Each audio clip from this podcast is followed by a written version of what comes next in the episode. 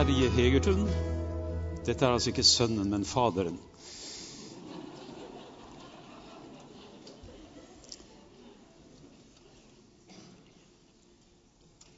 Jeg snakket med en tekniker i morges. Han sa at han normalt pleide å komme hit ved sekstiden om morgenen på søndag når han skulle rigge til liksom, og gjøre klar til gudstjenesten klokken 11. Vi ser ofte de som står her og forkynner, pastorene osv., og, og sangerne, men tenk hvor mye frivillig innsats som legges ned i en stor menighet som Philadelphia. Jeg syns det er helt fantastisk det som dere gjør. Dere tjener ikke en krone på det, men dere gjør det for Jesus og for menigheten og fordi dere er begeistra for dette fellesskapet. Kan ikke vi gi alle frivillige en skikkelig applaus nå? Yes!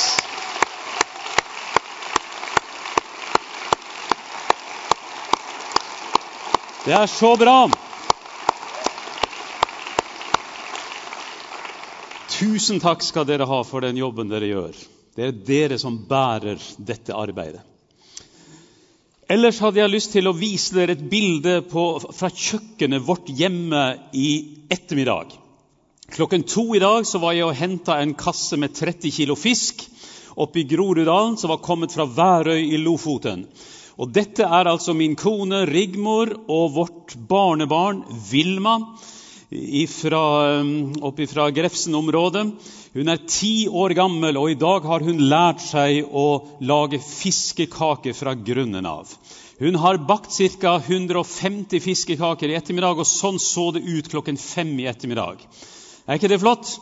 Dere som uh, kommer fra kysten, for dere, dere har vann i munnen når dere ser de fiskekakene, ikke sant? Men dere fra innlandet skjønner ikke bæret. Eh, men, men dette, er, dette, er, snadder. Dette er snadder.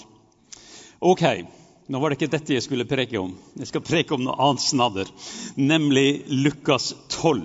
Lukas 12. Vi er inne i en taleserie om evangeliet etter Lukas. Og i dag er vi altså kommet til et kapittel som godt kan få denne litt kryptiske overskriften om at gleden finnes et annet sted. Hva jeg legger i det, skal jeg snart komme tilbake til. Men eh, la meg først prøve å si litt om hvilken bok Lukas evangeliet er i Det nye testamentet. Hva er det som kjennetegner denne boken? Et typisk kjennetegn er at ca. 30-40 av det materialet som er i Lukas, finner du ikke i noen av de andre evangeliene. Noen av de mest kjære, vakreste og mest siterte lignelsene og fortellingene fra Jesu munn finner du her i Lukas, og bare her. F.eks. For fortellingen om den barmhjertige samaritan. Eller det er fortellingen om den bortkomne sønnen, som viser, den som viser oss en Gud som aldri slutter å lete etter oss, selv om vi roter bort livene våre. Og så rommer Lukasevangeliet den versjonen av, av, eh, av juleevangeliet som vi kjenner aller best. Lukas er juleevangelisten. Takket være sine grundige kildestudier, i dag vil vi kalle det for empirisk forskning, så har altså Lukas eh, funnet ting som andre ikke har skrevet om. Han lar oss ellers forstå at eh, Jesus nå er i gang på sin lange vei mot Jerusalem. På veien dit drar han fra by til by, fra landsby til landsby, for å undervise. Det er med andre ord Jesus som en vandrende lærer vi møter her i Lukas 12. Og Lukas sier at Jesus har veldig mye på hjertet. I en sum kan vi si at Lukas evangeliet framstiller Guds rike som det store gledesbudskapet for fattige og undertrykte. Det er dette den unge Maria synger i sin vakre lovsang i kapittel 1. Han mettet de sultne med gode gaver, men sendte de rike tomhendte fra seg. Lukas' evangeliet er de fattiges evangelium. De som ikke hadde noen rikdom å lene seg til, og som lengta etter en rettferdighet som de ikke fant på jorda. For Jesus derimot var de kandidatene til det Guds rike han kom for å introdusere.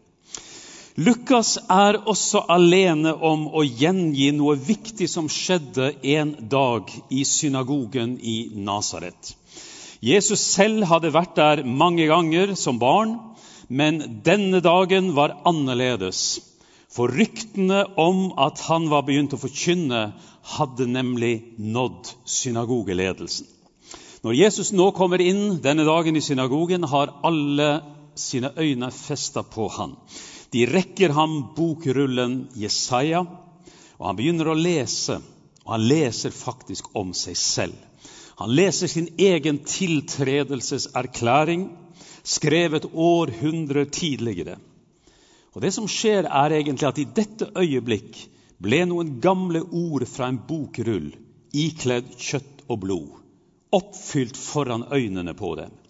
Det handlet om hva som skulle kjennetegne det kongeriket Messias skulle opprette. Og hør hva Jesus sa. Herrens ånd er over meg, fordi han har salvet meg til å forkynne et godt budskap for fattige. Han har sendt meg for å rope ut at fanger skal få frihet, blinde skal få syne igjen, og for å sette undertrykte fri og rope ut et nådeår fra Herren. Ser du hvordan programtalen har fattige og undertrykte som særskilte adressater? Lukas tolker evangeliet nedenifra. Og Det gir et presist bilde på hvem faktisk Jesus var og er i sin radikalitet og i sin store omsorg for oss alle. Men la oss nå gå inn i det tolvte kapitlet, og hør bare hvilken start det har. Det er jo nesten som man kan forestille seg at folkene bak metoo-bevegelsen har kikket Lukas over skuldrene og funnet ammunisjon til sin kampanje. For her kommer Jesus med en veldig tydelig melding om at jeg kan ikke være én ting privat og noe annet offentlig. Hør hvor oppsiktsvekkende aktuelle ordene fra Jesu munn er. Ingenting er tildekket. Kan vi få neste slide? Ingenting er tildekket som ikke skal bli avdekket. Ingenting skjult som ikke skal bli kjent. Derfor skal alt dere har sagt i mørket, bli hørt i lyset. Og det dere har hvisket i én rom, skal bli ropt ut fra takene. Jesus ber meg om å unngå å leve et liv med doble standarder. Han vil jeg skal leve transparent i alt jeg gjør. Det er meldingen fra den kloke mannen fra Nasaret. Jesus er i begynnelsen av dette kapitlet ellers opptatt av å sette mot i disiplene sine. Han vet hva som snart skal møte dem i Jerusalem. Derfor sier han, når det begynner å brenne under beina på dere, vær ikke redd for de religiøse med makt, hva de skal komme til å gjøre. Gud skal ta vare på dere. Og for riktig å understreke at de er under den høyestes beskyttelse, så hevder Jesus i dette kapitlet at han har telt hvert hårstrå på hodene deres. Og når korrupte dommere drar dere for retten, så sier Jesus, vær da ikke bekymret for hvordan dere skal forsvare dere, eller hva dere skal si. Den hellige ånd skal lære dere i samme stund hva som må sies.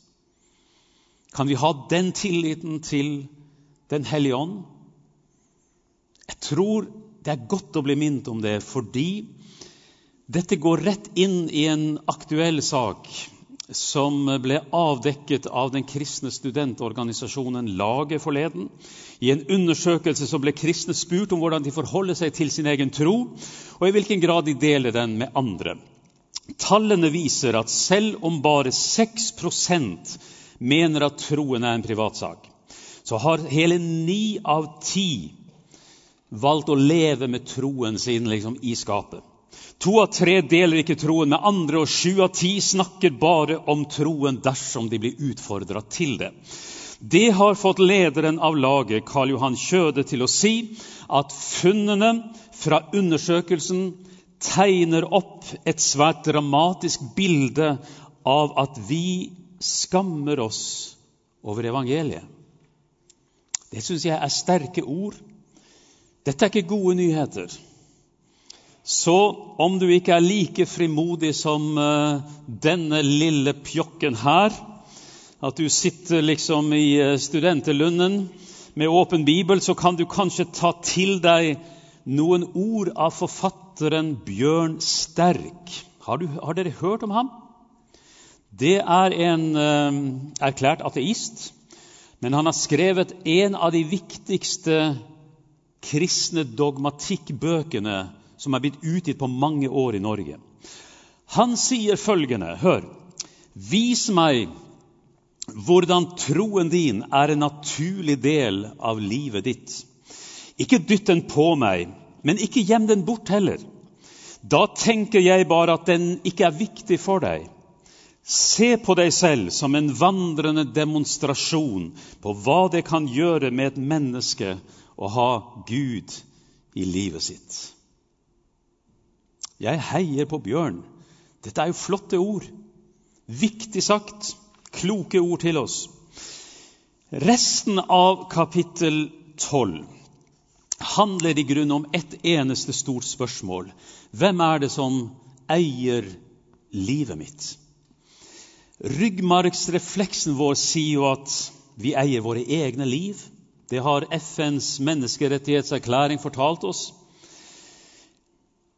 Og selv om den klassiske slavehandelen ble utryddet for 250 år siden, så, så er menneskehandel, gjeldsslaveri, trafficking og tvangsarbeid et stort problem fremdeles i mange deler av verden. Og det rammer ikke minst mange kvinner og barn. I Lukas 12 så ber Jesus om å få komme til ordet. Han vil at også vi som ikke er rammet av noen av disse former for slaveri, skal tenke over hva det er som, som eier livene våre. Hva det er vi kretser rundt. Hva det er som former vår grunnleggende identitet. Og Som en inngang til denne tematikken så forteller Jesus lignelsen om en velstående gårdbruker fra Hedmarken. Det var en rik mann som hadde fått god avling av jorden. Og Han tenkte med seg selv, hva skal jeg gjøre? Jeg har ikke plass til avlingen min. Jo, dette vil jeg gjøre.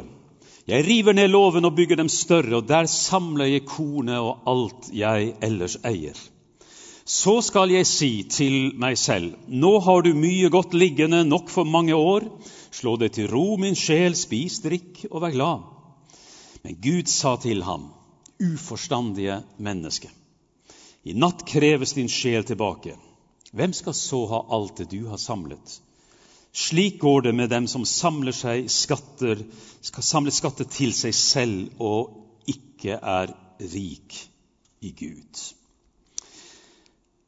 Kanskje vi kunne ha sammenfatta hele denne historien på denne måten. Husk Hansen at livet har du bare til låns. Eller for å sitere den romerske slaven som hadde til oppgave å hviske i øret til jublende hærførere i Roma, memento mori. Husk at du skal dø. Ikke glem din endelighet. Livet er gaven du har fått låne av Gud for noen år. For øvrig er jo den velstående bonden nokså klok. Han gjør jo det eneste riktige, han bygger lovene sine større. Og etter at avlingen er innhøsta, så setter han seg i godstolen sin, gjør opp status, han er rimelig fornøyd. Han nærmer seg pensjonsalderen, og med en velfylt låve og solide verdier på plass, så begynner han å snakke til seg selv om sitt eget liv som han trodde han eide selv og hadde kontroll over. Gode dager venter deg, nyt ditt otium, spis, drikk og vær glad. Men plutselig tar lignelsen en dramatisk vending. Det er som Jesus sier, det er en ukjent X i ligningen om livet ditt, som du har utelatt og glemt. At livet er gudegaven som du ikke bestemmer lengden av. Brått er det over. Og hva da? Kanskje bar han på den illusoriske drømmen om udødelighet. Den som får oss til å jage videre mot stadig nye framskritt. Men dersom Jesus hadde et yndlingstema, så var det kanskje dette Stol ikke på det du eier. Ingen trær vokser inn i himmelen. Det var her det svikta. Ikke at han tok hånd om avlingen sin. Nei, sier Jesus, problemet er ikke det du gjør, for du har vært flink. Problemet er måten du tenker på, at du har lagt alt i den ene potten. For penger har jo aldri vært en garanti mot sykdom og tap. Det fins jo ingen forsikringsavtale du kan tegne mot et relasjonsbrudd. Jeg er ikke garantert et friksjonsfritt liv i salighetens boblebad. Så Jesus tar derfor et oppgjør med mannens endimensjonale livshorisont. Han hadde glemt at dypest sett er det ingen av oss som eier våre liv. Jeg kjenner meg derfor personlig utfordra av det Jesus sier. Også jeg er frista til å stole på min økonomiske trygghet kjenner meg rammet av det radikale ved det Jesus sier. Og det får meg enda en gang til å reflektere over hvor sårbart og skjørt livet faktisk er. Og Det får meg til å erkjenne at egentlig lever jeg takket være Guds evige pust over verden. Har du, har du tenkt på det? Har du lest f.eks. hva som står i Jobbs bok? Gud har hver levende skapning i sin hånd. Om han bare tenkte på seg selv, holdt pusten sin tilbake, da ville hver levende skapning dø, og hvert menneske vende tilbake til støv. Dette er rimelig radikalt. Det er jo nesten en svimlende tanke. Å være skapt betyr at jeg skyldes ikke meg selv. For mens jeg ennå bare var et foster, så dine øyne meg, og i din bok ble alle de dager som ennå ikke var kommet, oppskrevet. Jeg lever altså fordi Gud puster sitt liv inn i mine lunger hver eneste dag, og fordi Guds øyne følger meg i kjærlighet. Hvor ofte har du tenkt på at det viktigste i livet kan du ikke kjøpe for penger? Helsa di, familien din, vennene dine, kjærligheten, troen, kirka, at noen er glad i deg. Alt dette kommer jo til deg som gudegaver fra din gode skaper. Bare i svært begrensa grad har du bidratt til det. Hva mer er det så Jesus ville ha sagt med fortellingen om den rike bonden? Lukas 12 viser hvordan Jesus liksom i samme åndedrag som han avslutter den fortellingen, begynner å snakke om det bekymringsløse livet til fuglen under himmelen og, og blomstene på marken. Dette syns jeg er noen av de fineste versene som fins i hele Det nye testamentet. Og Jeg tror at vi må lese dem sammen. Skal vi gjøre det? Blir dere med meg? Så leser vi høyt og tydelig. Derfor sier jeg dere, vær ikke bekymret for livet, hva dere skal spise, eller for kroppen, hva dere skal kle dere med. Livet er mer enn maten, kroppen mer enn klærne. Se på ravnene. De sår ikke og høster ikke. De har verken matbod eller låve, men Gud gir dem føde likevel. Hvor mye mer verd er ikke dere enn fuglene? Se på liljene, hvordan de vokser. De strever ikke og spinner ikke, men jeg sier dere, selv ikke Salomo i all sin prakt var kledd som en av dem. Tenk ikke på hvordan dere skal få noe å spise og drikke, og vær ikke engstelige. Søk i stedet Hans rike, så skal dere få dette i tillegg. Hvor ellers hører du et sånt budskap? Her tegner Jesus et kontrastbilde mellom den rike bonden og Gud som den sjenerøse og trofaste forsørgeren. Han gjør seg bruk av disse to vakre bildetalene, den om fuglene under himmelen og den om liljene på marken. Dette er en sånn malende beskrivelse om at vi skal begynne å se med friske øyne på verden rundt oss, livet rundt oss, sånn som det utfolder seg årstidenes skiftinger, i naturens mangfold av arter og livsformer. Og Slik får Jesus fram at til syvende og sist er det ikke det vi eier, som trygger vår framtid. Det skaper snarere større bekymringer. Ordet grådighet kan f.eks. oversettes mer direkte med trangen til stadig å eie mer, ut fra det resonnementet at hvis kjøpekraften din øker, så øker også din livskvalitet. Dette er feil, sier Jesus, og til det sier alle fattige studenter et halleluja. ikke sant? Eh, tvert imot er Jesus tydelig på at mammons rike og kongens, Guds kongerike er konkurrenter. Bibelen romantiserer ikke fattigdom, men peker i retning av en enklere livsstil.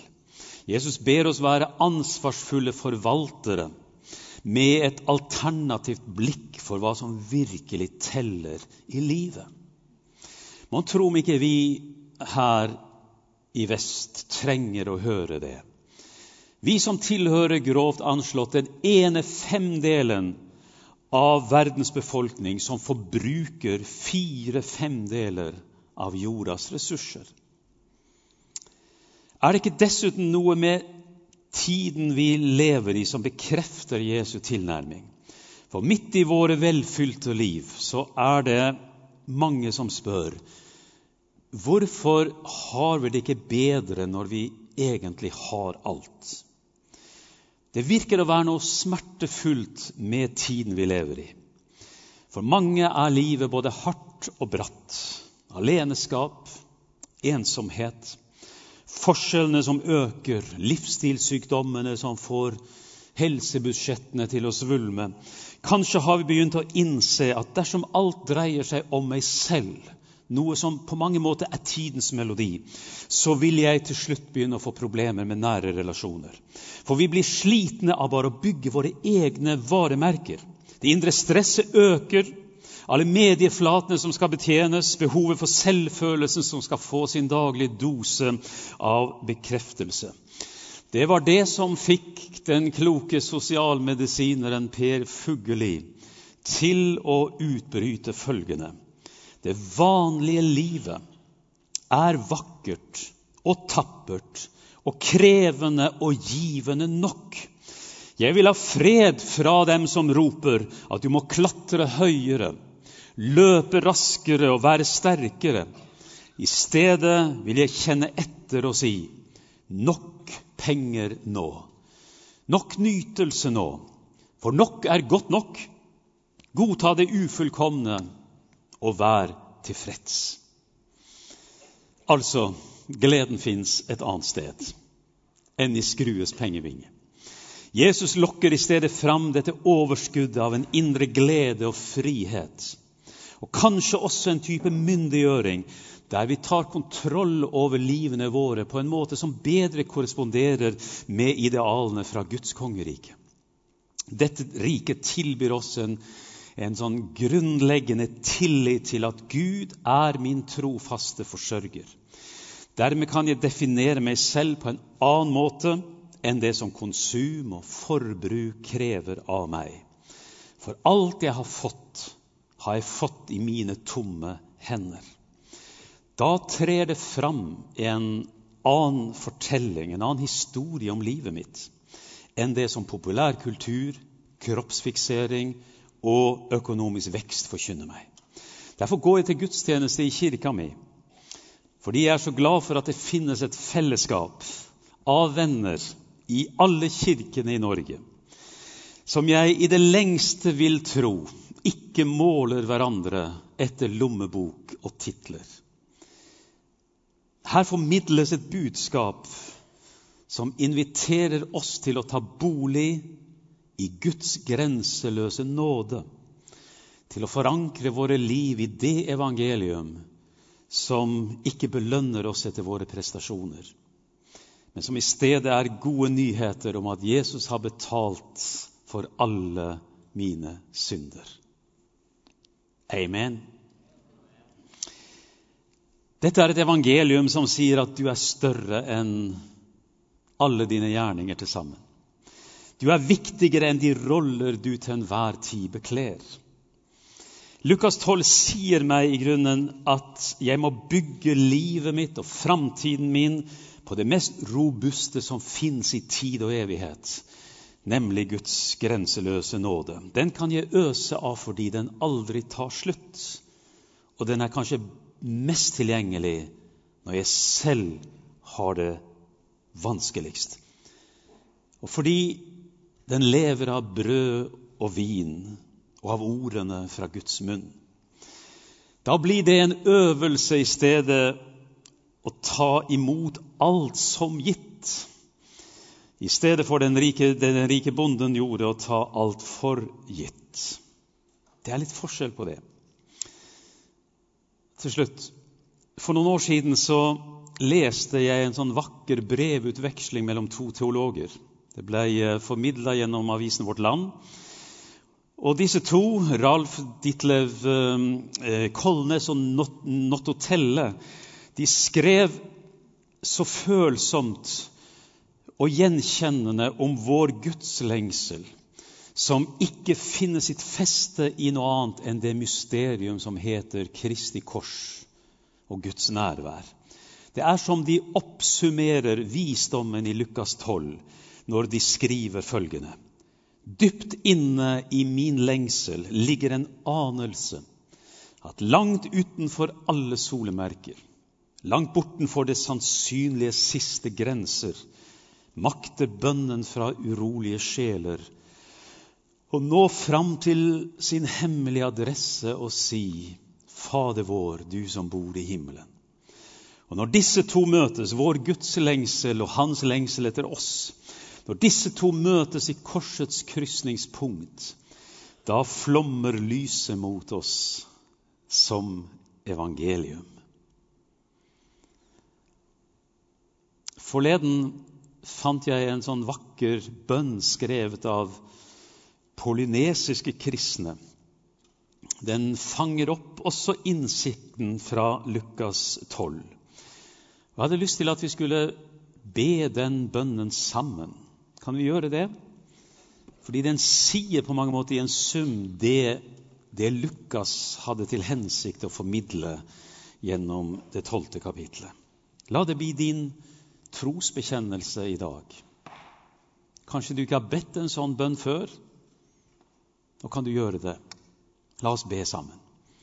Herre, sett et usynlig merke på alt som går gjennom mine hender slik at jeg ser at det er ditt. Jeg har jo ikke noe som ikke du har gitt meg. Alt er en gave jeg er gitt å forvalte for deg. Alt jeg har fått, min tid, mitt liv, min kropp, har du lånt meg. Deg tilhører jeg, og din er jeg. Og det takker jeg for. Det er jo det som gir livet mening.